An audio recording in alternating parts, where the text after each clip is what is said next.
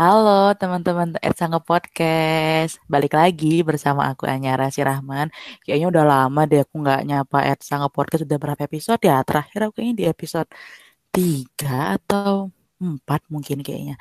Oke teman-teman, kali ini um, ini mungkin jadi episode terakhir ya sebelum penutupan EDSA karena kita udah di akhir periode. Tapi jangan khawatir, kali ini aku bakal uh, ngebawain materi yang mungkin sangat familiar buat teman-teman semuanya. Dan kali ini aku nggak sendirian, teman-teman. Pasti teman-teman tahu kok siapa ini.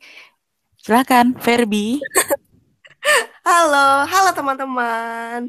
Halo, aku Ferbi nih. Uh, kalian yang belum kenal aku, aku tuh nama lengkapku tuh Ferbiana Nerisa Arvenina.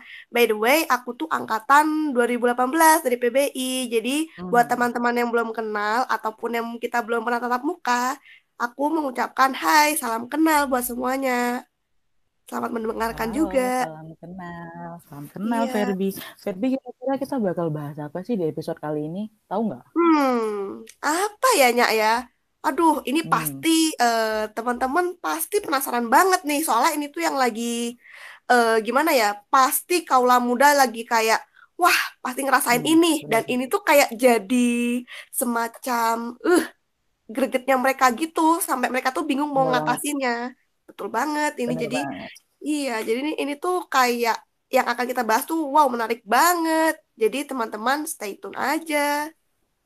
Bener banget tuh teman-teman apa yang bilang Ferdi. Jadi kita pada episode kali ini juga bakal kedatangan tamu yang nggak kalah hebatnya karena dia kebetulan juga teman kita, teman satu angkatan kita juga yep. dan dia juga sudah berprestasi teman-teman dan insya Allah akan memumpuni dalam bidang yang akan kita bahas pada hari ini. Penasaran siapa dia? Aduh, penasaran nggak ya? Teman-teman penasaran nggak nih? Pasti dong, penasaran banget nggak? Kita sambut aja deh yuk, Fer. Ini kita, tamu kita.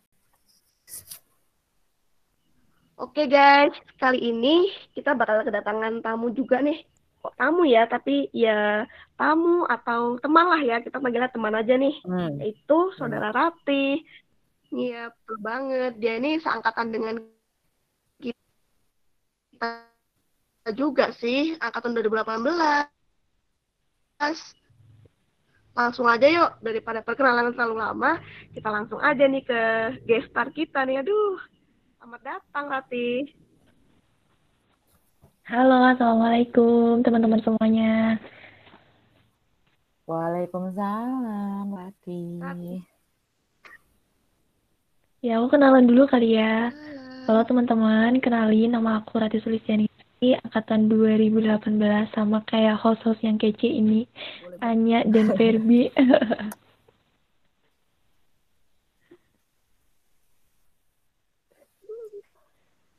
Oke, sebelum kita lanjut pembahasan kita pada hari ini, mungkin teman-teman tuh penasaran nih, kok apa mereka kok ngundangnya teman seangkatan sih? Terus kan kita kan membahas tentang mental health, kan sementara kita dari BBI ini, terus mungkin Rati bisa nih bagi-bagi info ke teman-teman uh, kita semua, akhirnya Rati itu punya hmm. pengalaman hmm. apa di bidang misalkan yang berhubungan dengan psikolog atau mental health mungkin pernah ikut organisasi atau apa oh ternyata Kak Rati ini ikut ini cerita jadi kayak ada pandangan gitu loh dari teman-teman hmm. silahkan Rati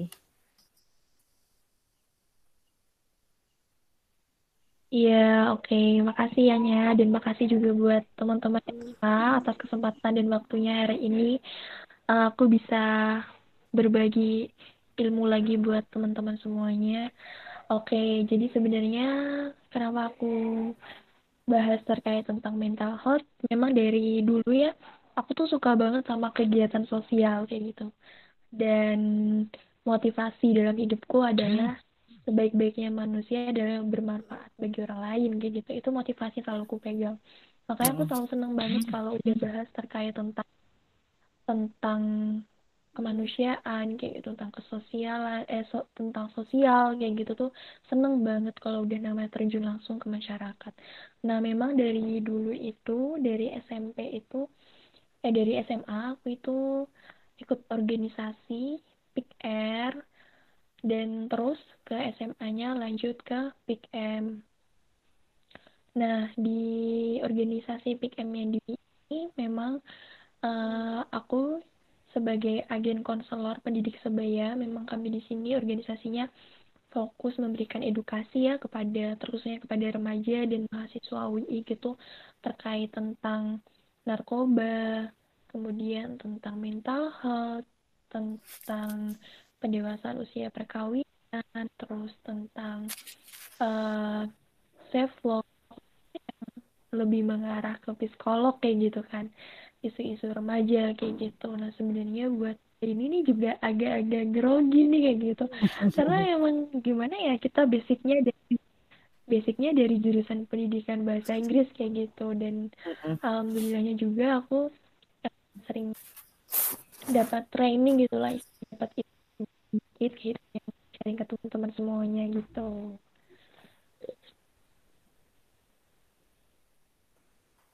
ya. Terus nih kan um, apa namanya di kondisi pandemi saat ini tuh apa namanya tentang mental health itu kayaknya bukan hal baru lagi. Padahal sebelum jauh sebelum pandemi itu kayak aduh ini tuh apaan sih? Kayak nggak jelas gitu kan. Terus menjaga pandemi kayak orang aduh kayaknya mentalku tuh kena deh. Terus kayak duh mental healthku tuh udah nggak sehat. Terus sebenarnya kita mikir sebenarnya tuh mental health tuh gimana? Terus muncul lagi ada kata burn out. Duh kayaknya aku tuh burn out banget. Ini udah kuliah udah capek kayak capek kuliah sampai burn out banget rasanya. Terus yeah, yeah. menurut hati nih atau menurut bahasa yang benar gitu bahasa psikologi cara psikologi yang benar gimana sih sebenarnya arti mental health? Terus kata-kata burn out terus kayak aduh kesehatan mental tuh sebenarnya tuh gimana gitu kan? Kita kan suka mengatakan anak muda ini biasa nih.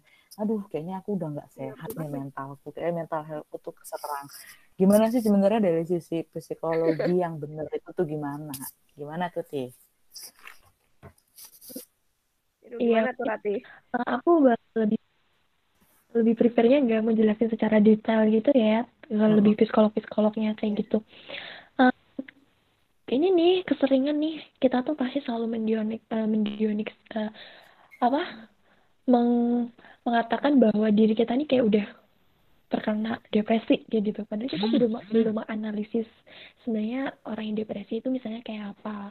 Orang yang hmm, hmm. mental healthnya udah itu seperti apa. Jadi kayak diri kita sendiri itu udah mendioniksa bahwa diri kita terkena itu gitu. Padahal belum dianalisis belum memahami materinya dulu kayak gitu kayak berhubung hari ini aku mau bahas terkait topik yang spesial, tapi sebelumnya aku mau tanya dulu nih sama host dua yang kece ini gimana perasaan dari happy atau atau atau mungkin uh, biasa aja atau gimana gitu.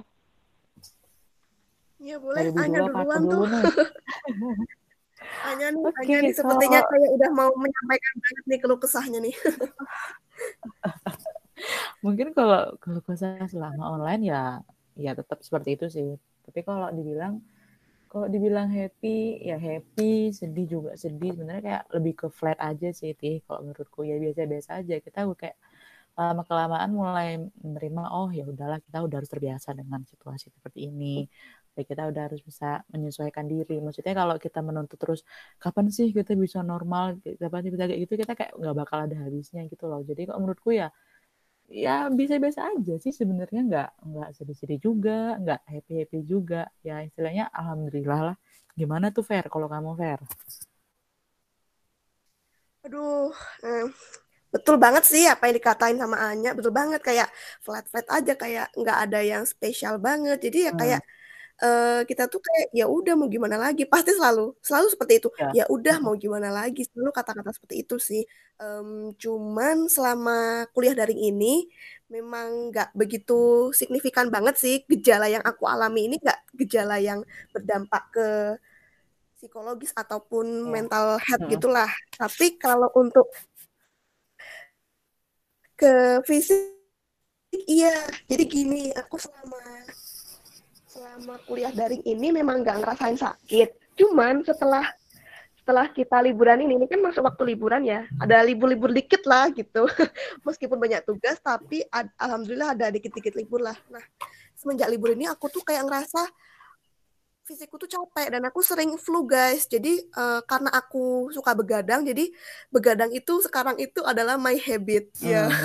Habitnya mungkin para pelayat umum juga pasti merasakan juga kalau begadang tuh suatu hal yang lumrah dan pasti dirasakan oleh semua orang. Jadi hmm. bagi aku karena dampak dari begadang itu sendiri um, kenanya tuh ke fisik dan kesehatan aku aku jadi suka flu. Dan sekarang jadi tadi pagi tuh itu parah banget. Itu flu berat guys. Jadi saran aku hmm. waduh kita harus betul-betul jaga kesehatan banget. Jadi Bener banyak banget. minum vitamin C gitu guys. Uh, jaga pola makan pola tidur. Aduh olahraga deh. Ya kalau nggak sempat lari-lari dikit lah di rumah gitulah. Setidaknya kita ada keringat gitulah. Kalau nggak nyapu nyapu gitu sih guys. Jadi kalau saran aku stay healthy lah. Soalnya sakit itu obatnya mahal sehat itu obatnya mahal juga. Aduh. Jadi itu rati yang kurasain. Dampaknya dari begadang. Jadi kayak Ferbi kompleks banget gitu ya. Udah kompleks satu iya, paket. Hmm, bener banget tuh Ferbi nah jadi itulah bakal sharing ke teman-teman ter burnout. Biasanya kan kalau istilah burnout itu dibahas ini ya kayak kepekerjaan kayak gitu burnout uh, di lingkup lingkup bekerja gitu. Tapi hari ini aku mau bahas burnout pada mahasiswa nih. Nah teman-teman semuanya di rumah gimana? Udah uh, pernah burnout? Atau mungkin dari Anya sama Ferbi gimana? Pengalamannya udah pernah ngerasain burnout belum sih? Kalau aku mungkin Pernah sih. Hmm. Pernah nggak sih, Fer? Kalau dari Enggak, sesekali sih dulu, ya. gitu. Aduh, uh, nah, aku tuh bingungnya. Aku tuh bingung. Aku tuh bingung ini tuh gejala yang aku rasakan itu tuh bagian dari burnout atau hanya ah, iya. gejala-gejala iya. umum gitu loh, gejala-gejala yang dampak dari kuliah daring ini gitu loh. Jadi masih belum bisa nih mendefinisikan secara harfiahnya tuh ini tuh betul-betulan aku ngerasain burnout apa enggak gitu. Iya kadang kan kita nggak kalau dari aku sih belajar pasti malam gitu kan. Kadang kan kita ada hobi tersendiri nih kita kayak aduh kayaknya capek banget padahal kita nggak ngapa-ngapain gitu kan. Terus kayak mikir kayak masa sih ini burn out? Ini paling cuman karena karena habit aku aja nggak teratur kayak gitu. Kadang ngerasa kayak gitu cuman aku nggak pernah mikir kayak kayaknya mentalku kena deh atau aku ngerasa burn out. Nggak karena menurutku aku nggak bisa mengkategorikan itu sebagai hal itu karena karena aku nggak tahu jelas kalau kategori untuk kayak gini tuh gimana. Karena menurutku ya mentalku masih baik-baik aja. Aku cuma kadang aduh kayaknya capek aja kayak gitu aja sih. Sebenarnya nggak nggak pernah sampai berpikiran untuk sejauh itu enggak kayak gitu Rati sama-sama. Jadi iya. Iya jadi kebanyakan dari kita tuh suka berdiagnosa bahwa kita burn out tapi kita belum kayak aku bilang tadi belum menganalisis kita kayak gitu. Atau mungkin biasa aja gitu kan. Uh, terus nih sebenarnya apa sih itu burnout gitu? Jadi istilah burnout itu sebenarnya udah ditemukan oleh pakar psikolog oleh Herbert pada tahun 1970-an nah oke. Okay. jadi burnout itu merupakan kondisi kelelahan baik secara mental fisik emosional dan sebagainya terjadi sepanjang waktu Nah, mungkin beberapa teman-teman sering sih ngalamin kayak hari ini capek banget nih gitu. Lelah secara fisik, lelah secara pikiran, tenaga kayak gitu ya. Mungkin kayak habis uh, pulang dari kerja atau mungkin aktivitas di luar kayak gitu, lelah, banyak tugas yang numpuk kayak gitu. Nah, teman-teman tuh maunya istirahat kayak gitu. Misalnya udah istirahat yang cukup, udah tidur yang cukup, udah makannya juga udah uh, udah empat sehat lima sempurna lah kayak gitu kan. Tapi kayak masih ngerasa lelah gitu kayak kenapa ya? kayak gitu. Nah sedangkan kalau misalnya kita lelah yang biasa aja nih uh, misalnya hari ini aku lelah kayak gitu. Kemudian uh, kita istirahat nih. Kalau uh, istirahat dengan tidur yang cukup kayak gitu. Refreshing kayak gitu ya. Refreshing jalan-jalan kayak tanpa kita sadari itu tuh udah self healing gitu loh. Udah self healing ngalir aja gitu udah ngerasa tenang dan udah happy ngerasa gak capek. Nah itulah bedanya kalau burnout itu lebih kayak terjadi aja. Waktu kita udah uh, udah ngelakuin berbagai cara gitu ya biar ngerasa jiwa jiwa teman-teman udah nggak capek lagi gitu tapi masih aja ngerasa lelah. Nah itulah yang perlu kita ketahui perlu uh, analisis dan kita uh, atasi kayak gitu kemudian ya teman-teman di burnout itu hadirnya emosi-emosi negatif yang datang dari diri kita sendiri karena kita sulit untuk mengontrolnya misalnya nih uh, teman-teman tugasnya numpuk, kemudian aktivitas numpuk kayak gitu. Tapi pengen dapat output yang bagus atau misalnya tugasnya numpuk, deadline-nya numpuk, pengen dapat nilainya yang bagus gitu. Uh, tapi kita nggak bisa ngontrol gitu, nggak bisa. Kita kan nggak bisa ya kontrol tugas misalnya hari ini satu tugas aja, jadi itu kan kita nggak nggak bisa kan. Jadi memang Mm -mm. Uh, jadi memang di situlah hadirnya emosi-emosi negatif kita yang kemudian kita ngerasa lelah gitu. Nah, apalagi ya uh, di masa pandemi ini COVID-19 yang belum tahu kapan usainya, ditambah lagi kita harus online learning dan juga harus dealing with lingkungan di kita. Aku tahu sih bagaimanapun kita nggak nggak mampu atau sih belum siap dengan situasi dan kondisi banyak hal yang di luar ekspektasi kita kayak dulu pengennya santai aja gitu di rumah. Tapi sekarang ketika udah santai di rumah pengennya beraktivitas di luar. Itulah kayak manusia gitu banyak maunya gitu. Iya. Mm bener. Uh, bener ya. Dan apalagi buat mahasiswa yang super duper aktif aktif kuliah aktif organisasi gitu ketika di rumah online learning tugas numpuk semuanya harus berhadapan dengan teknologi jenuh lelah fisik uh, begadang kayak tadi kan Ferbi begadang kayak uh, apa begadang buat nyelesain tugas kayak gitu dan aktivitas-aktivitas kayak gitu dan merasa bahwa lelah banget kayak gitu dan kayak udah ngelakuin self love dan self self awareness tapi masih aja ngerasa kayak mau bilang ya udahlah terserahlah. Sering banget ya kayaknya mahasiswa sekarang itu ngucapin ya udah karena udah uh, mereka sudah uh, karena ya udah capek kayak gitu. Iya iya betul. bener banget. Bener banget Hmm, itu. Iya jadi betul banget sih Rati menurut aku. Ya kita ya mau gimana lagi ya pasti selalu ya udahlah ya udahlah mau gimana lagi selalu kayak gitu sih. Karena memang ya kita nggak bisa berbuat apa-apa. Jadi kan kita masih mahasiswa apalagi kita masih mahasiswa aduh hitungannya kita tuh udah akhir apa masih tengah-tengah ya teman-teman ya?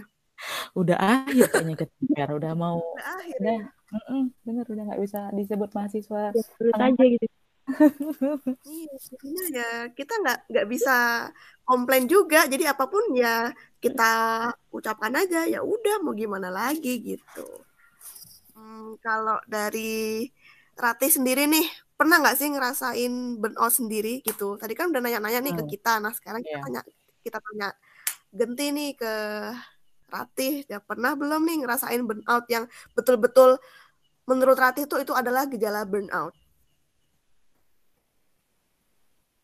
Oke, okay, oke. Okay, jadi aku ini, aku mau kasih ini dulu sih kali ya beberapa orang yang mengalami burnout itu kayak apa sih gitu.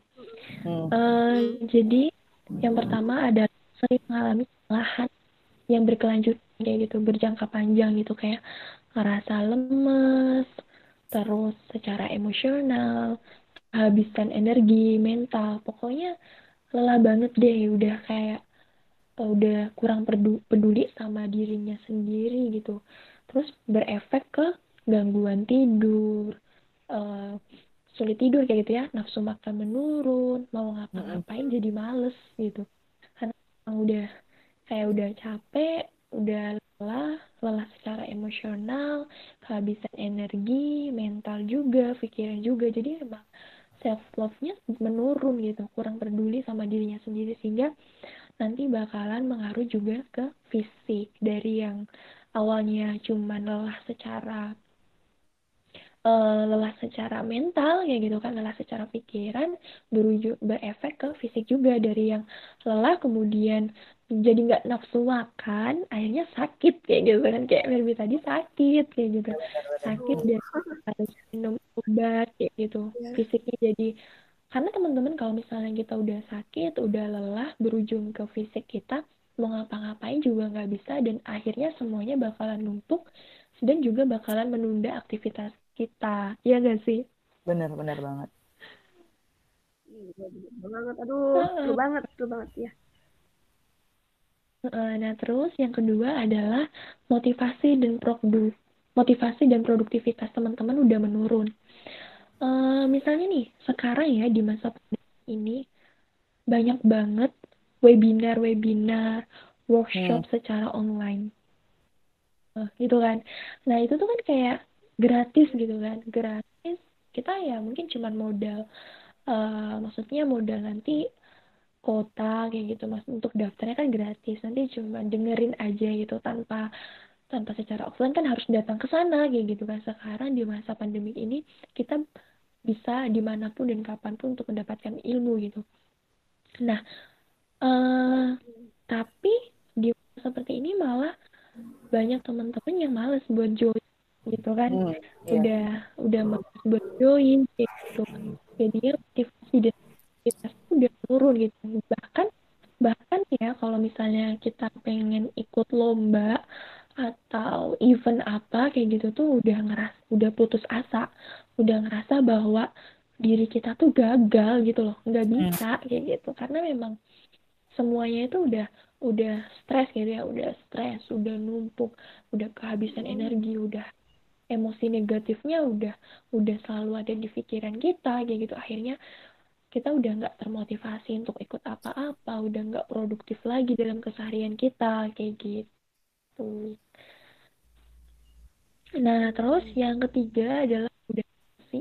Nah ini sih hmm, udah emosi itu gini. Kayak ini deh contohnya ketika mungkin hari ini kita dikasih tugas uh, deadline yang mungkin lima tugas terus habis itu ada aktivitas yang harus kita selesaiin gitu. Kayak aduh kenapa sih kayak harus hari ini semua yang harus dikerjain gitu kan kita kayak emosi gitu gak sih kayak emosi yeah, terus kayak yeah. gregetan terus nanti kalau kita udah walaupun walaupun kita emosinya mungkin menurut kita biasa aja tapi di sekeliling kita di lingkungan kita akan berdampak gitu. Kita akan ini bahkan akan merugikan orang lain kalau kita nggak sadar. Ternyata emosi yang aku keluarin berdampak ke orang lain. Mungkin sama ibu aku ayah aku kayak gitu ya.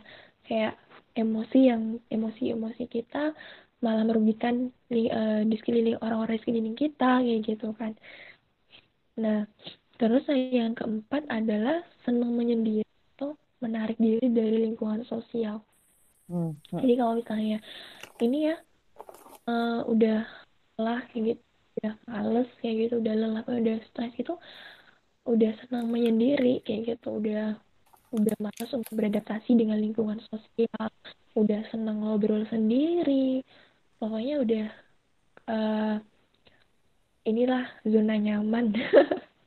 Jadi kayak udah iya, udah sektor di sendiri kayak gitu. Udah zona nyaman udah males buat uh, ngobrol sama tangga mungkin kali ya ngobrol sama temen. Ini udah asik sama dunia sendiri. Pokoknya udah udah seneng lah ini laku kayak gitu. Udah seneng ngobrol sama diri sendiri kayak gitu. Sehingga itu pun bisa berefek buat teman-teman yang sistem imunnya bisa menurun terus cemas stres kayak gitu loh teman-teman. Itu bisa jangka panjang kayak gitu. Nah uh, aku pernah sih ngalamin uh, jadi kayak pernah ngalamin kapan ya? Hmm, kapan dia lupa. Jadi kayak pernah ngalamin kayak ngerasa hari ini tuh capek banget kayak gitu. Capek banget udah uh, ini kayak udah udah istirahat udah udah makan yang sehat udah istirahat yang cukup tapi ngerasa lelah aja. Nggak lelah nggak hmm. lelah di fisik sih karena nggak juga kayak gitu kan. Nggak kerja nggak apa tapi lelahnya aku tuh lelah di pikiran di mental gitu di perasaan kayak gitu. Lelah di perasaan. Jadi lelah di perasaan. Jadi emang kayak lelah di perasaan kayak gitu mau mau apa? Kayak ngerasa kok nggak selesai selesai sih? Kayak gitu. Ini aktivitas aku kapan selesainya? Gitu. Kayak udah hopeless deh semuanya tuh udah udah ya udahlah kayak gitu.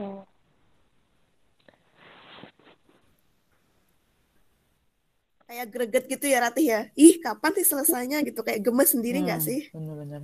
Iya, makanya kalau kita segera segera apa ya kayak melakukan cara yang bisa kita lakuin, pada akhirnya nanti itu bakalan numpuk kan. Kalau misalnya udah numpuk numpuk, malah semakin numpuk jadi bukit gitu kan.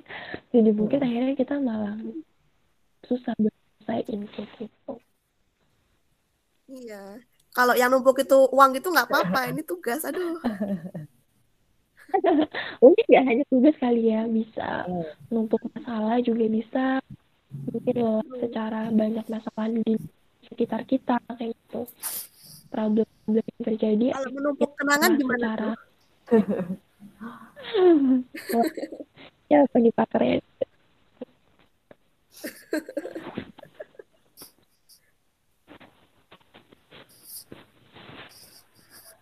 Terus nih kan eh, selama pandemi ini biasanya eh, apa kalau dari data yang pernah aku lihat katanya eh, tingkat apa namanya tingkat mental health orang-orang itu malah cenderung cenderung naik gitu. Banyak sih faktor-faktornya Hmm, bisa karena dari diri sendiri atau kita dari kita aja lah kita kan biasanya nih sukanya apa ke mana-mana aktivitas sana aktivitas sini kalau de kalau menurut Rati gitu eh, ada nggak sih apa faktor-faktor yang kira-kira dalam dalam masa pandemi itu yang justru seharusnya kita kita hindari nih supaya kita harus tetap tetap apa namanya ya ya tetap bisa kita bilang bukan normal ya maksudnya kita bilang ya tetap seperti diri kita ini loh itu yang nggak ngerasa kayak aduh kayaknya aku nggak nggak tak nggak bisa nih ngelakuin ini terus-terusan gitu kan kita kayak akhirnya tuh kayak faktor-faktor itu kayak mikir aduh gimana ya caranya? Gitu. Misalnya banyak yang bilang kan kayak gini aduh kayak gue aku maaf nih kayak aku nggak kuat nih sampai tahun depan ini online terus. Jadi kayak kayak males kuliah kuliah aja kayak kalau nggak dibangunin temen yang nggak kelas tugas kalau nggak deadline yang nggak bikin akhirnya uh, malah menurutku tuh banyak banget kayak negatif-negatifnya gitu loh karena kita nggak nggak sadar kalau sebenarnya uh, itu tuh cuman persoalan mental kita yang nggak belum siap dengan keadaan seperti ini. Gimana tuh Rati kalau menurut Rati? Uh-uh.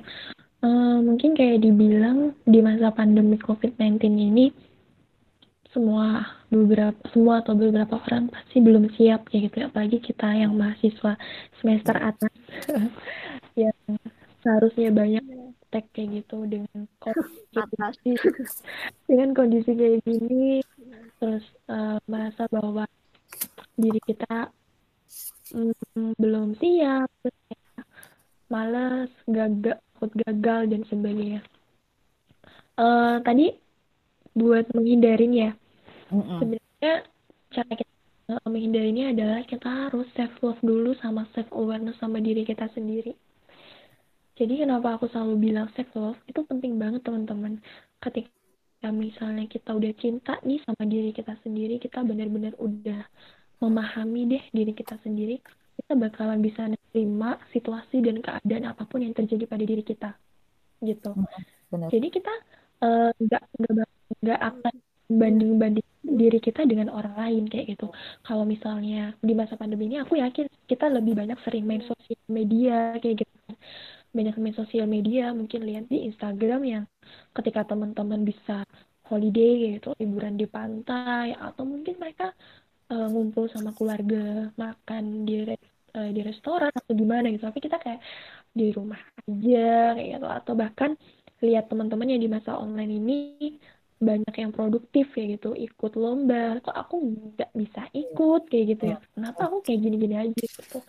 Nah itu uh, kita buat kita sendiri bahwa uh, harus harus apa ya harus meningkatkan rasa cinta kita sama diri kita sendiri. Harus yakin sama kemampuan apa yang kita miliki dan harus bisa menerima situasi dan kondisi apa yang bakalan terjadi pada diri kita. Karena kalau misalnya kita udah cinta nih uh, pasti ya semua orang cinta sama dirinya sendiri. Ini terkadang mereka tidak cinta dengan diri mereka. Uh, membanding-bandingkan dirinya dengan itu poin pentingnya. Bahwa hmm, jangan pernah kita membandingkan diri kita dengan orang lain. Karena kita nggak tahu juga kan perjuangan mereka seperti apa. Kita hanya melihat hasilnya tapi kita tidak melihat proses mereka seperti apa kayak gitu ya ya.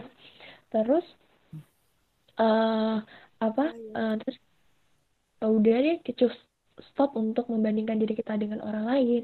Mulailah menanamkan diri kita bahwa ini loh aku ya gitu. Aku bisa segalanya uh, aku mempunyai kapasitas yang bagus, aku memiliki keyakinan yang bagus yaitu aku aku sudah bisa menerima diri aku uh, dengan kondisi apa pun kayak gitu. Terus yang kedua adalah tadi aku bilang self awareness kayak gitu. Nah, oke okay, tadi kayak online learning, kemudian tugas numpuk dan sebagainya kayak mau kuliah males, ngantuk hmm. tidur kayak ketiduran masih dibangun kayak gitu kan. Jadi, uh, harus aware harus self awareness sama diri diri teman-teman gitu. Teman-teman harus sadar dulu sebenarnya teman-teman ada di mana.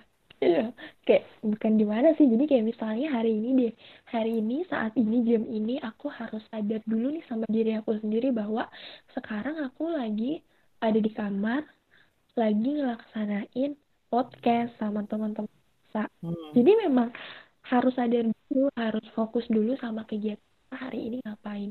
Uh, jangan terlalu berpikir ke mana-mana gitu. Jadi memang kita harus aware sama diri kita sendiri harus aware sama lingkungan kita sekitar kita kondisi kita seperti apa kayak gitu.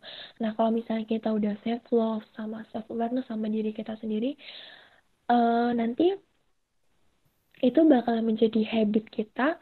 Uh, kita udah udah apa ya udah produktif lagi kayak gitu bahwa hmm, aku nggak boleh kayak gini nih gitu udah hmm. udah bisa apa ya kayak udah sadar gitu sama diri sendiri bahwa oh aku punya kekurangan ini aku punya kelebihan ini kayak gitu misalnya nah di kekurangan ini berarti hmm. aku bisa mengelola kekurangan ini menjadi kelebihan aku yaitu dia yang dari awalnya males buat kuliah aku harus produktif kayak gitu. Aku harus aware nih sama diri aku aware sama kuliah aku sama nilai aku sama cinta sama diri aku sendiri bahwa uh, aku harus semangat lagi nih. Aku harus produktif. Nah kunci utamanya adalah komitmen sih kalau menurut aku. Aduh bahasanya komitmen. Komitmen. Komitmen hanya komitmen lo ya. Bahasanya berat ya, komitmen. Iya. Berat berat, berat. berat tapi iya, ini loh kalau hmm, ini ini yang selalu aku terapin sama diri aku sendiri bahwa setiap hal yang aku lakuin aku harus komit sama diri aku sendiri dulu. Jadi memang harus dealing uh, deal sama diri sendiri dulu gitu loh. Kayak harus komit gitu. Misalnya dia hari ini kamu mau ngapain? Kayak gitu. Hari ini oke okay, uh, eh, harus join misalnya join kelas tepat waktu ngerjain tugas tepat waktu. Berarti harus komit kan sama diri sendiri. Uh, istilahnya gak usah melanggar peraturan yang udah kita sama diri kita sendiri gitu. Karena kalau misalnya kita udah komit ya sama diri kita sendiri kalau kita tiba-tiba mau belok nih mau mau apa ya tiba-tiba mager atau misalnya langgar itu nanti bakalan ingat oh iya kayak tadi kayaknya aku udah komit deh sama diri aku sendiri bahwa uh, aku mau hari ini mau produktif kayak gitu. Jadi kayak gitu harus komit dulu sama diri bangun diri sendiri apa ya membangun uh, apa yang ada di dalam pikiran teman-teman makanya kayak teman-teman harus aware sama apa yang teman-teman pikirkan, apa yang teman-teman rasa, apa yang teman-teman lihat di lingkungan sekitar teman-teman kayak gitu. Hmm, betul banget. Iya. Jadi di sini poin penting yang aku tangkep ya dari yang udah Ratih sampaikan itu tuh memang kita tuh harus self awareness sama self love. Hmm. Nah, tapi gini nih Ratih, aku ada pertanyaan nih. Ini tuh jadi uh, agak agak menyimpang dikit sih, cuman ini masih relate banget ke mental health juga itu sendiri. Tadi kan Ratih bilang kita harus self love ya. Tapi bagaimana dengan kita yang udah mencintai diri kita sendiri, tetapi sometimes sometimes kita itu melihat teman kita nih lebih unggul misal uh, yang kayak Rati bilang tadi dia prestasinya lebih wow dan kita tuh merasa kita tuh pengen tapi di satu sisi kita tuh memiliki rasa insecure atau kita tuh merasa tidak pantas bahwa aku yakin po, aku yakinkah bisa melakukan hal ini atau aku tuh bisa nggak sih menyamakan kedudukanku seperti dia atau aku tuh bisa nggak sih memiliki prestasi yang sama seperti teman aku yang prestasi tadi. Jadi bagaimana tuh rasa insecure sendiri harus kita hadapi Rati. Kalau dari Rati sendiri sih pendapat Rati gimana? Iya, jadi kayak insecure ya gitu ya. Karena ini bahasa insecure. Anak-anak juga ngerasain kan. Iya, bener banget sih. Rasain juga kan kita. Ya aku juga hmm, syukur kamu ya aku juga. Uh, juga sering ngerasain kayak gitu insecure gitu ya lihat teman-teman. Aduh teman-teman yang lain kok keren-keren banget ya sedangkan ya, aku bener. kayak apa-apanya gitu. Pasti sering gitu. Tapi itu normal eh bukan itu wajar. Itu wajar sih kalau misalnya kita uh, berpikiran seperti itu. Walaupun kita udah uh, sudah sudah ingin menumbuhkan rasa self love sama diri kita sendiri. Sometimes kita ngerasa uh, masih membandingkan diri kita sama orang lain itu wajar kok nggak apa-apa karena manusiawi ya. Uh, mungkin um, beberapa orang atau setiap orang pasti mempunyai rasa iri sama orang lain. nah, ketika di seperti itu, ketika dia itu kayak ngerasa uh, aku nggak bisa ya gitu kan kayak um, udah berbagai cara nggak bisa udah hopeless lah sama dirinya sendiri. Nah gimana sih kayak gitu kalau misalnya kita ngerasa insecure sama diri kita sendiri uh, ketika ngelihat teman-teman yang lain? Kalau sepengalamanku yang biasa sering aku lakuin adalah yang pertama adalah stop untuk melihat uh, apa ya stop untuk membandingkan diri kita sama orang lain it's hmm. okay kalau kita membandingkan diri kita sama orang lain. Tapi lihat dulu nih cara pandang kita. Nah yang kedua adalah cara pandang kita. Cara pandang kita maksudku adalah ketika kita membandingkan orang lain itu positif atau negatif. Misalnya kenapa aku bilang positif dan negatif? Positifnya adalah ketika aku misalnya membandingkan diri aku dengan Anya. Aku hmm. e, berpandangan positif bahwa aku mau ngambil prestasi-prestasi Anya itu sebagai motivasi aku hmm. kayak gitu kan. Nah pandangan negatif adalah ketika Anya berprestasi tapi aku jadikan pandangan itu malah membuat diri aku down. Kemudian aku insecure aku nggak termotivasi lagi. Kayak gitu. Iya gak sih? Karena mm bener, bener. Uh, itu penting gitu. Kita harus memiliki perspektif yang berbeda. Kita harus mempunyai pandangan yang berbeda. Jadi harus lihat dulu sama pandangan kita bagaimana. Nah uh, tadi kan yang pertama adalah jangan membanding-bandingkan, yang kedua uh, berpandangan positif atau negatif sama diri kita sendiri. Kemudian uh, yang ketiga adalah lihat kapasitas diri teman-teman bahwa uh, sebenarnya teman-teman ini nih yang aku bilang lagi self love teman-teman hmm. harus harus benar-benar memahami diri teman sendiri kayak gitu. Ketika hmm. misalnya aku melihat uh, prestasinya sebagai pandangan positif bahwa aku harus uh, bisa seperti uh, apa ya kayak misalnya prestasinya sebagai motivasi dalam diri aku. Nah aku lihat lagi nih kapasitas diri aku. Kira-kira aku mampu gak ya kayak gitu kan? Kadang kan orang tuh uh, mungkin mereka coba-coba aja tapi mereka nggak melihat kapasitas dirinya iya nggak ya, sih akhirnya ya. mereka gagal terus mereka insecure. Terus kayak putus asa dan udah males buat nyoba lagi. Iya gak sih? Iya iya benar iya, banget. banget. Iya. Jadi kayak jadi misalnya nih tadi yang pertama aku stop untuk banding-bandingkan orang lain. Yang kedua coba lihat pandangan kita positif atau negatif. Yang ketiga adalah lihat kapasitas. Nah misalnya ketika aku udah berpandangan positif kemudian uh, udah berpandang positif bahwa uh, prestasi Anya atau Verbi jadikan motivasi aku. Ketika aku melihat kapasitas diri aku kayaknya kamu nggak bisa dilatih. Kamu hmm. belum kamu belum berada di proses tahap itu seperti mereka. Nah itulah penting kita self love untuk menerima diri kita sendiri. Kita harus bisa menerima teman-teman ketika memang apa yang kita miliki tidak sama seperti mereka. Karena tidak ada manusia yang sempurna kayak gitu kan kita tidak bisa menjadi diri mereka. Apa tidak bisa menjadi diri kita kayak gitu kan. Hmm. jadi memang ketika nanti kita melihat ketika kita pengen seperti mereka kalau kita gagal kita harus bisa menerima. Dan jangan malah insecure tapi harus lebih termotivasi. Gagal Mm-mm. itu sebagai uh, apa ya sebagai pelajaran buat kita uh, buat kita observe yaitu observasi bahwa next ke depannya aku harus lebih bisa. Kalau karena kalau aku sering nih aku sering gagal dalam setiap hal. Tapi uh, dari gagal itu biasanya aku ngomong sama diri aku. Ngomongnya tuh dalam hati awalnya tuh ngomong dalam hati kayak misalnya uh, kayaknya besok kamu bisa deh. Dan aku selalu bilang sama diri aku nggak apa-apa hari ini kamu gagal besok tuh bisa kayak gitu. Jadi aku selalu nanamin di sama diri aku sendiri kayak gitu. Ketika aku bilang kayak gitu nih bilang e, nggak apa-apa hari ini kamu gagal besok pasti bisa kok gitu. Nah akhirnya uh, dari kegagalan itu aku analisis gitu. Kira-kira aku gagalnya di apa ya gitu. Oh mungkin aku gagalnya kurang di ini. Nah next ke depannya aku coba lagi. Aku perbaikin kegagalan itu akhirnya apa yang aku dapatkan sesuai. Dari situlah makanya kita perlu harus menerima dengan apa yang kita miliki tapi di samping kita bisa menerima kita juga harus bisa mengimprove ya uh, memperbaiki uh, kekurangan-kekurangan kita sehingga kita bisa mencapainya kayak gitu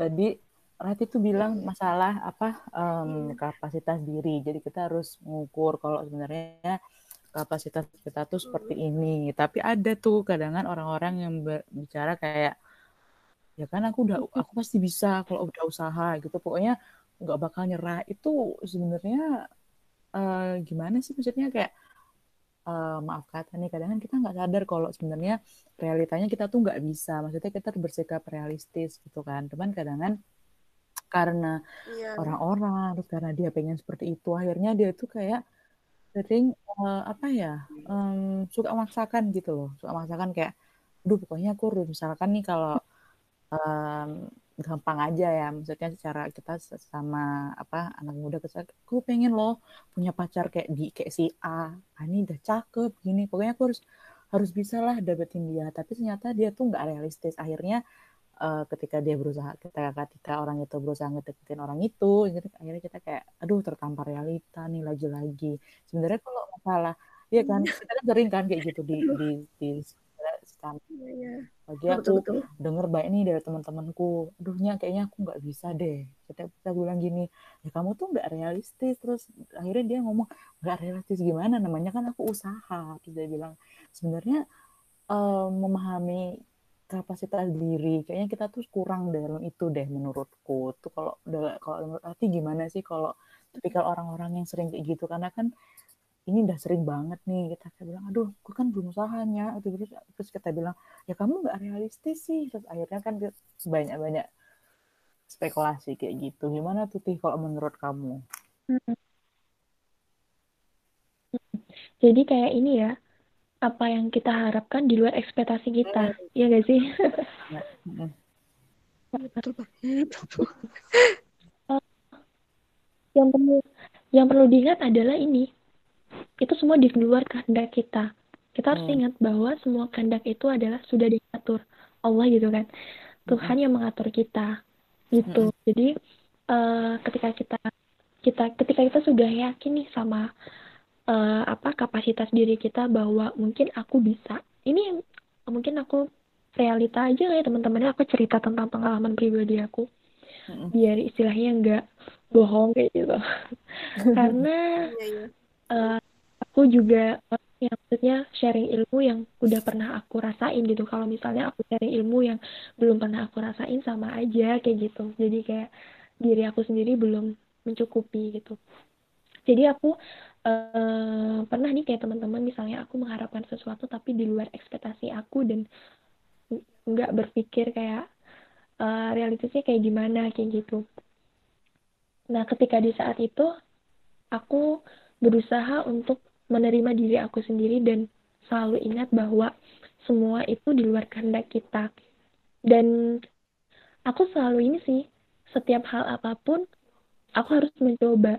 Jadi kalau misalnya ini nih kadang tuh ya orang itu udah ber, apa udah berekspektasi sama dirinya sendiri atau udah uh, bilang sama diri sendiri kamu nggak bisa. Padahal mereka belum coba.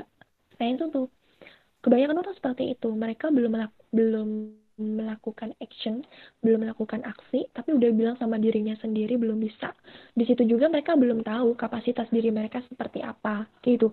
Nah, sedangkan ketika orang yang udah berani mencoba, gagal, atau mungkin di luar ekspektasi mereka, mereka udah lihat kan kapasitas mereka seperti apa, kayak gitu kan.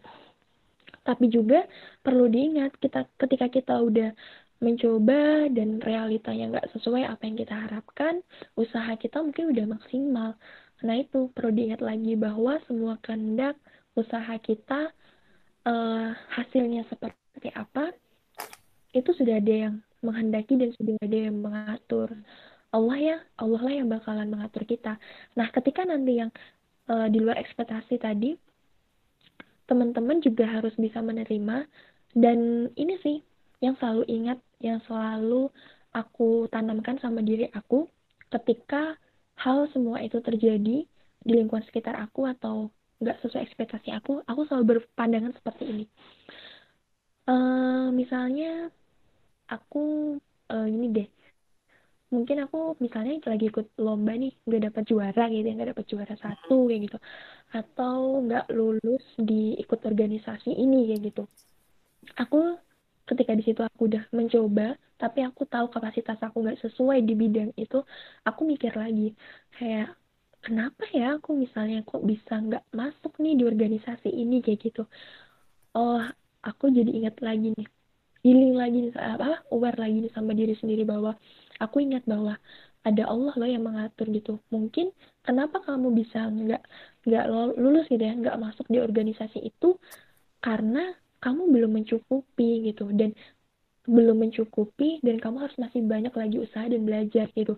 Nah, kalau misalnya kamu malah misalnya di tahun ini kamu lulus, kita kan gak bakalan tahu ya apa yang bakalan terjadi. Mungkin kamu belum siap gitu loh. Jadi kayak misalnya semua hal yang terjadi di uh, di lingkungan kita yang nggak sesuai ekspektasi kita, yang pada akhirnya uh, kita berpikiran udah ngerasa uh, usaha kita sia-sia kayak gitu ya. Tapi kita harus mikirin lagi kenapa aku nggak diterima? Mungkin alasannya usaha aku kurang aku belum berkapasitas di situ atau mungkin ketika nanti aku diterima mungkin malah aku belum siap gitu. Mungkin hmm. aku uh, secara fisik atau mental aku aku belum mampu atau belum siap. Makanya Allah itu belum izinin aku buat mendapatkan itu. Itu sih yang selalu aku tanamkan sama diri aku. Jadi memang harus dievaluasi harus dianalisis dulu harus diobservasi dulu semuanya kayak gitu. Emang harus dilihat dulu gimana kayak gitu.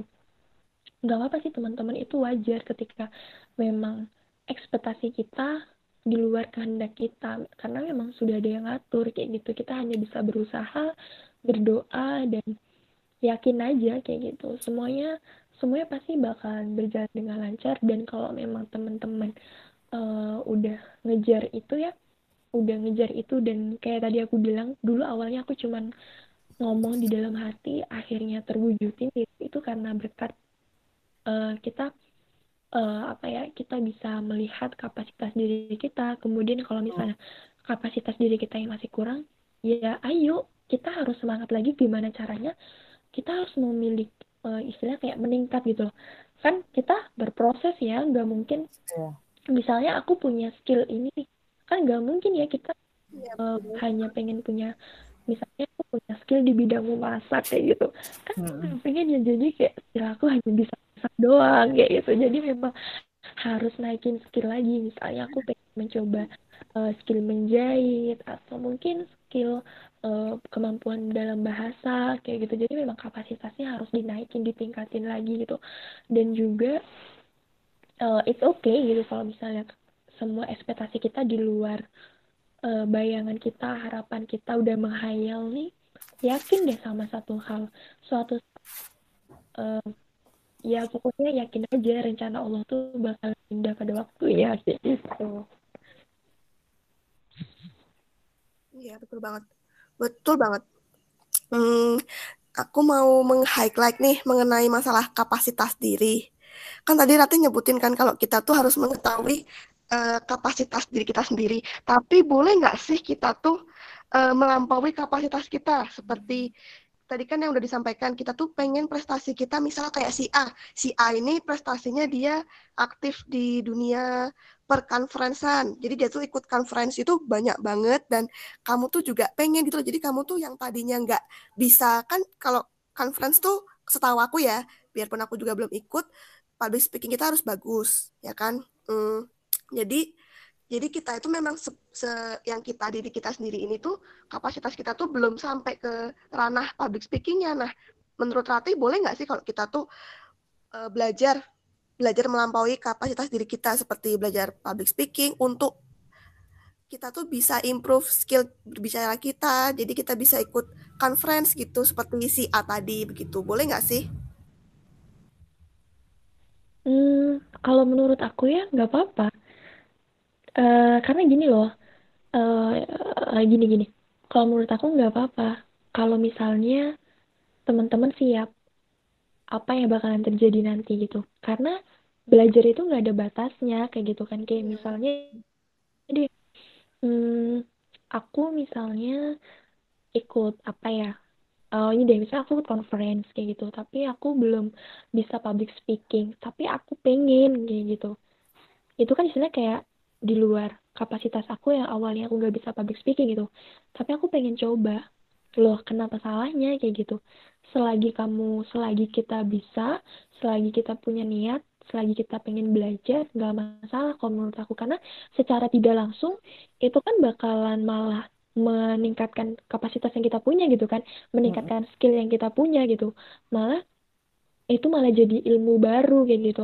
Aku yang awalnya uh, pasti aku yakin sih teman-teman semuanya juga dari awalnya kayak misalnya aku nih awalnya aku mungkin gak bisa public speaking. Tapi karena aku dulu aku orangnya malu dan aku gak bisa public speaking akhirnya aku uh, berniat sama diri sendiri bahwa kamu gak bisa nih kayak gini terus kayak gitu.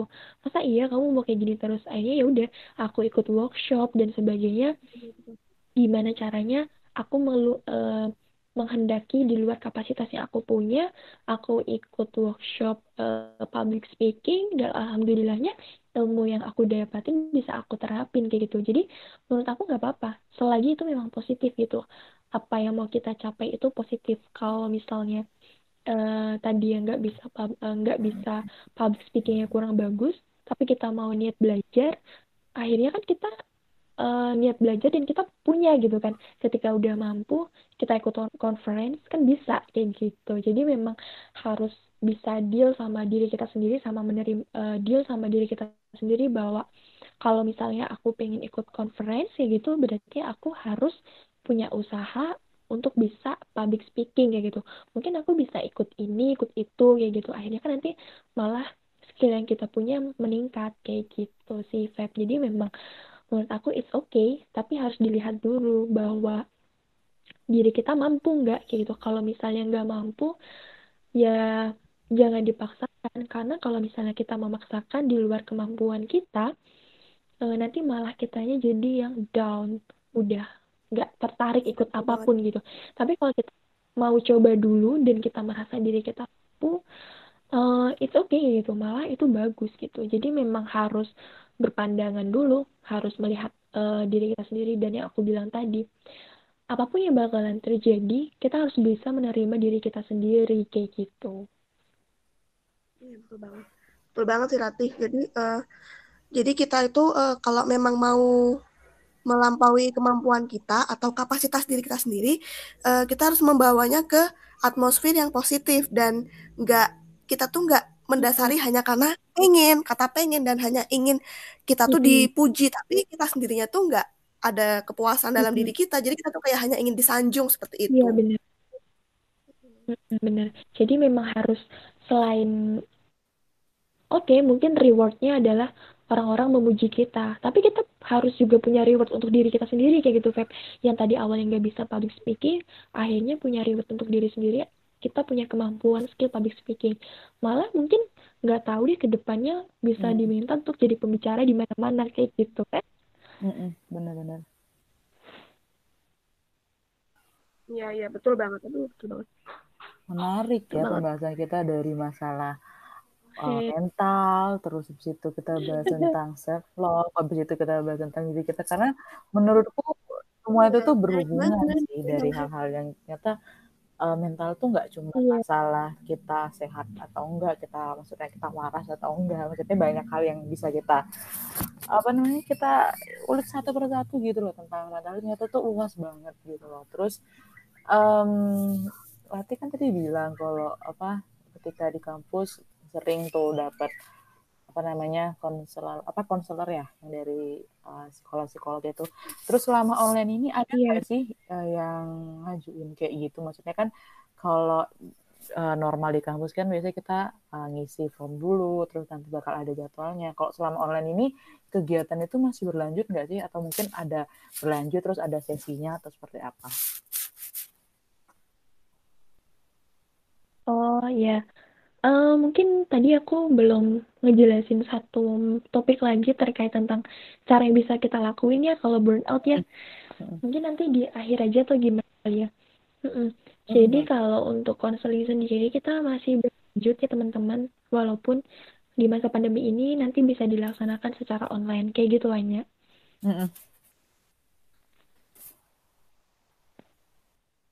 betul.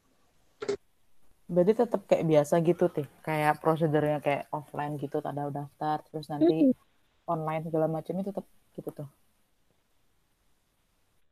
Iya, mungkin bedanya cuman ini sih. Kalau offline kan enak ya bisa ketemu kayak gitu. Iya. Kalau sekarang online ya menggunakan platform tersedia kayak gitu. Misalnya menggunakan uh, Zoom kayak gitu. Kemudian Google Meet kayak gitu sih. Tuh selama selama online ini um, banyak nggak sih yang minta konseling atau mungkin sama aja gitu kan? Mungkin kalau kalau offline dengan online mungkin kan banyak nih siswa, siswa yang pakai aduh kayaknya aku pengen curhat deh ke psikolog atau mungkin sama aja kah atau gimana tuh sekarang? Um,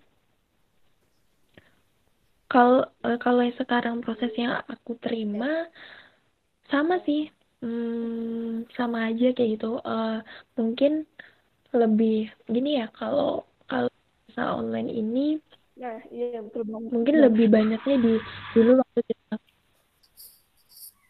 Jadi uh, di masa online ini sama offline agak berbeda sih.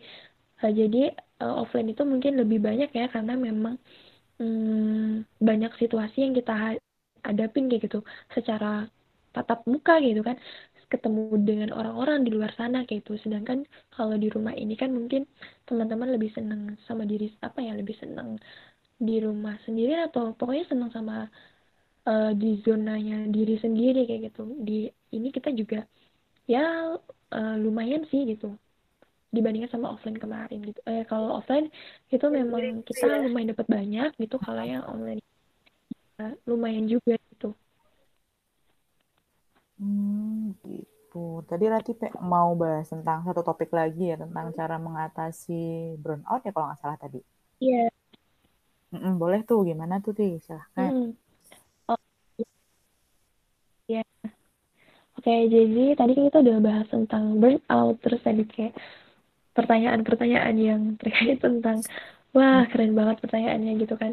Hmm. Jadi, uh, cara yang bisa kita lakuin ya teman ketika kita ngerasa burnout, itu yang pertama adalah self healing gitu, dengan melakukan refreshing gitu, misalnya kayak uh, teman-teman ketika udah lelah atau udah lelah, udah stres kayak gitu, teman-teman bisa refreshing.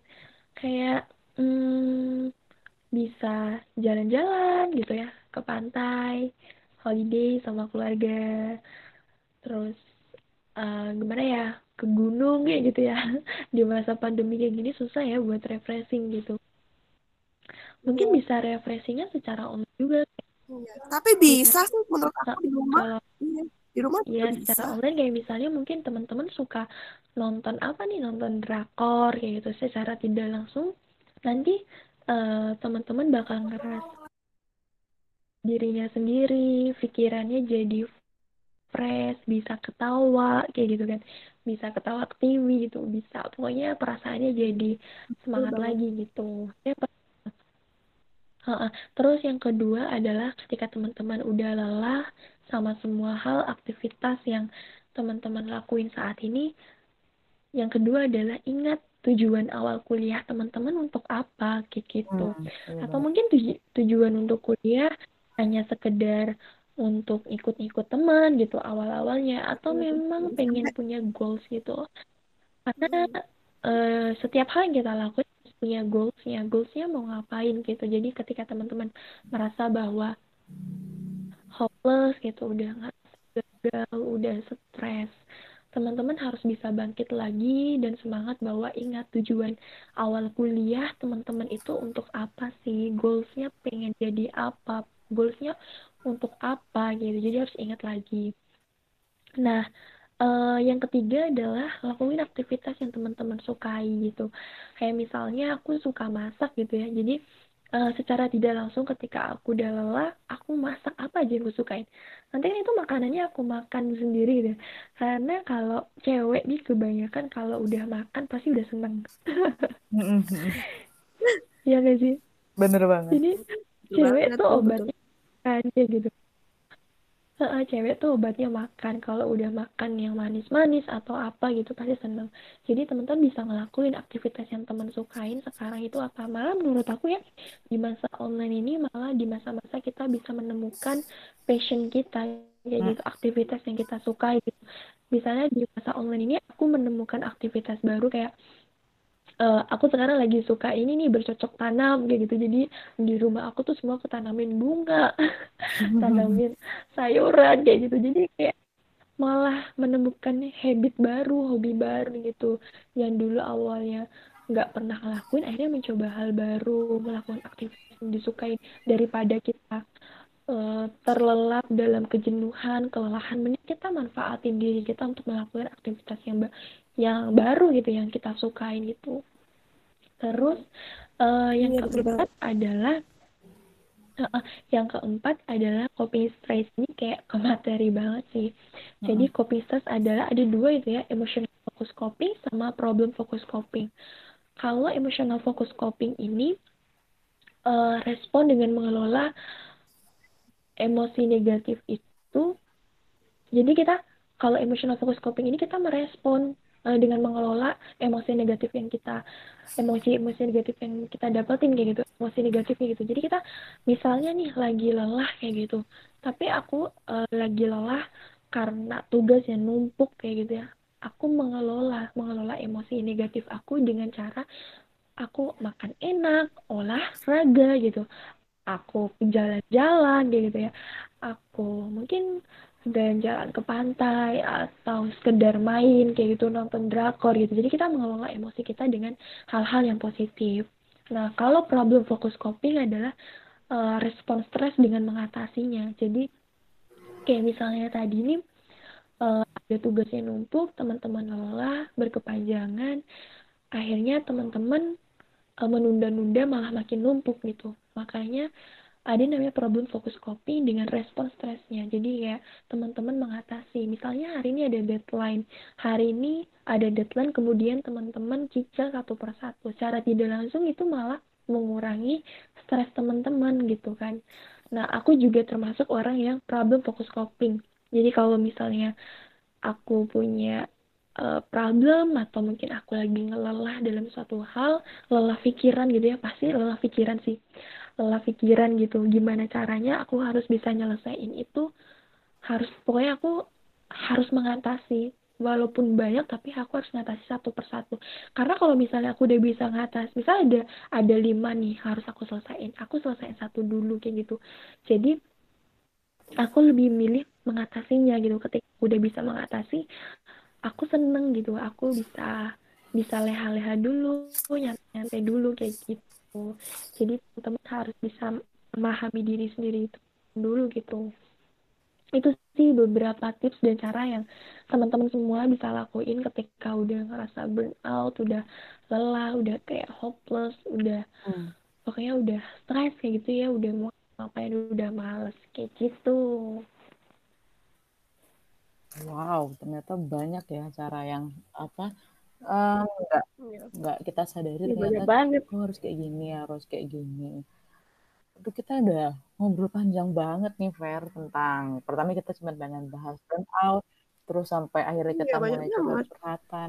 Terus mungkin em, sebelum kita tutup, ada nggak sih eh, apa em, kata dua kata nih dari Rati buat teman-teman semuanya di luar sana Iya, yang masih betul. ngerasa kayak, aduh aku tuh hopeless banget, terus aku kayak burn out, terus aku ngerasa kayak, aduh mentalku tuh kayak terganggu. Mungkin ada nggak sih uh, kata-kata dari penyemangat dari Rati nih buat teman-teman semuanya biar tetap semangat? Iya, seperti iya motivasi gitu. Iya, biar kita jadi semangat.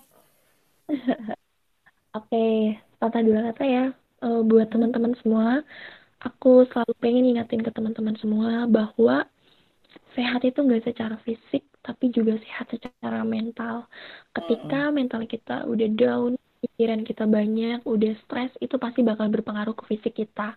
Dari yang mungkin awalnya kita sehat secara fisik gitu, kita fisiknya kelihatan sehat, tapi pikiran kita nggak, mungkin pikiran kita lagi nggak sehat lagi, stres, dari kita yang awalnya mungkin makannya banyak, akhirnya nafsu makannya menurun, kondisi badan nggak kondisi badan nggak sehat, uh, malah sakit kayak gitu kan. Jadi makanya poin terpenting adalah fisik uh, sehat itu nggak hanya secara fisik tapi juga secara mental teman-teman.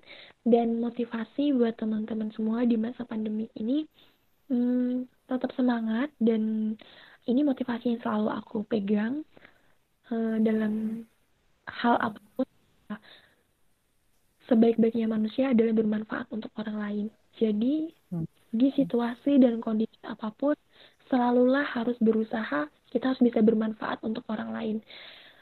Uh, misalnya kayak, harus semangat lagi gitu. Kayak, kita kuliah buat apa, kayak gitu. Misalnya kita uh, kuliah, oke, okay, kita mendapatkan ilmu, mengejar ilmu, menambah wawasan, gitu. Nah, wawasan ilmu yang kita dapatin untuk apa sih kayak gitu. Nggak mungkin kan untuk diri sendiri. Makanya uh, makanya harus kita sharing ke orang lain. Dan ingat lagi tujuan kita hidup di dunia ini untuk apa? Tujuan kita hidup di dunia untuk beribadah dan juga bermanfaat untuk orang lain gitu. Ketika teman-teman merasa down nggak lagi ingat lagi kita ngapain sih di dunia ini gitu. Aku punya ilmu ini untuk apa? Ya uh, aku punya ilmunya bisa bermanfaat orang lain kayak gitu buat teman-teman semua mm-hmm. harus selalu sehat dan semangat hmm, sehat secara fisik dan mental dan selalu memotivasi diri teman-teman dan juga harus menerima kondisi dan situasi apa pun yang terjadi teman-teman harus menerima diri teman-teman semua harus cinta kemudian harus uh, respon dengan baik uh, berpikir positif emosi negatifnya uh -huh. mulai dihilangin gitu sih kak. Ya. tuh teman-teman. Harus sehat secara fisik dan mental. Itu yang terpenting sekarang. Karena mengingat ber hmm, benar banget. Mengingat Betul, semester depan karena itu obatnya mah bener ya. Lagi. Berarti kita harus ya kita udah terbiasa nih dari bulan Maret sampai Desember kita udah survive sampai sekarang itu udah suatu hal yang luar biasa teman-teman. Hmm, gak kerasa teman-teman. Jadi um, ya. Gak kerasa ya udah mau semester next hmm, Bener banget, bener banget gak kerasa kan. Iya betul. Jadi um, kita sampai di penghujung um, acara di episode Mantap, kali ini. Sebelumnya aku sama Firman ngucapin terima kasih untuk narasumber kita, Rati. Terima kasih atas informasi dan di atas uh, pengetahuan iya, baru nih buat kita banget. di penghujung tahun 2020. Gimana tuh Fer?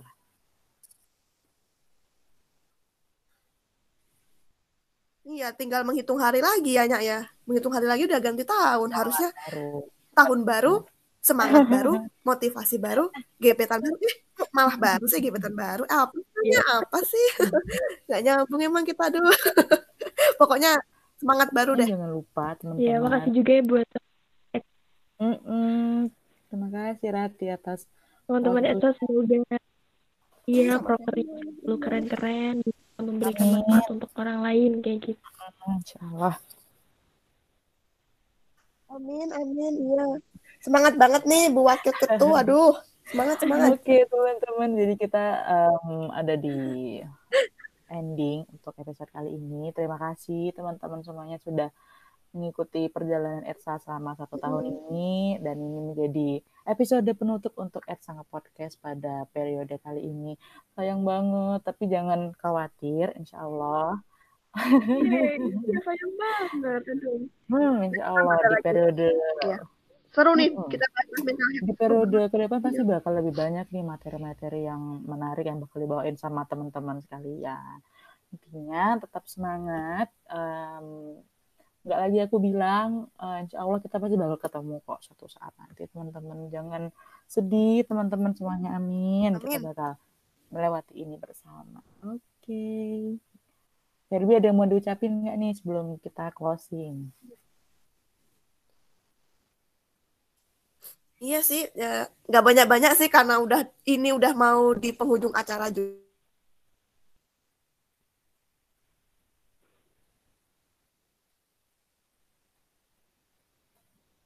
juga kan jadi mm. ya makasih banget sih udah dikasih kesempatan bisa saling sama semua orang jadi kalau kita bahas sampai menguliknya secara dalam tuh nggak bakal selesai-selesai maka ya udah kita dapat ilmunya benar. kayak yang Rati sampaikan aja udah lega tuh udah dapat gitu udah dapat poin penting yang bisa bikin kita berubah lah setidaknya jadi makasih banget buat Anya buat Rati aduh aku makasih ya. banget ya thank you for having me di acara ini gitu di podcast inilah istilahnya oh. Oke, okay, teman-teman. Karena kalau pengalaman itu nggak di di sharing, Benar. percuma ya. Benar banget tuh Rati. Pengalaman itu adalah pelajaran paling berharga, guys. Gitu. Hmm, betul banget, aduh. Oke, okay, teman-teman. Um, sepertinya kita harus mengakhiri benar-benar akhir ini. Oke, okay, maka dari itu mari kita tutup. Sampai jumpa di Edsanga Podcast periode berikutnya. Assalamualaikum warahmatullahi wabarakatuh. Waalaikumsalam warahmatullahi wabarakatuh.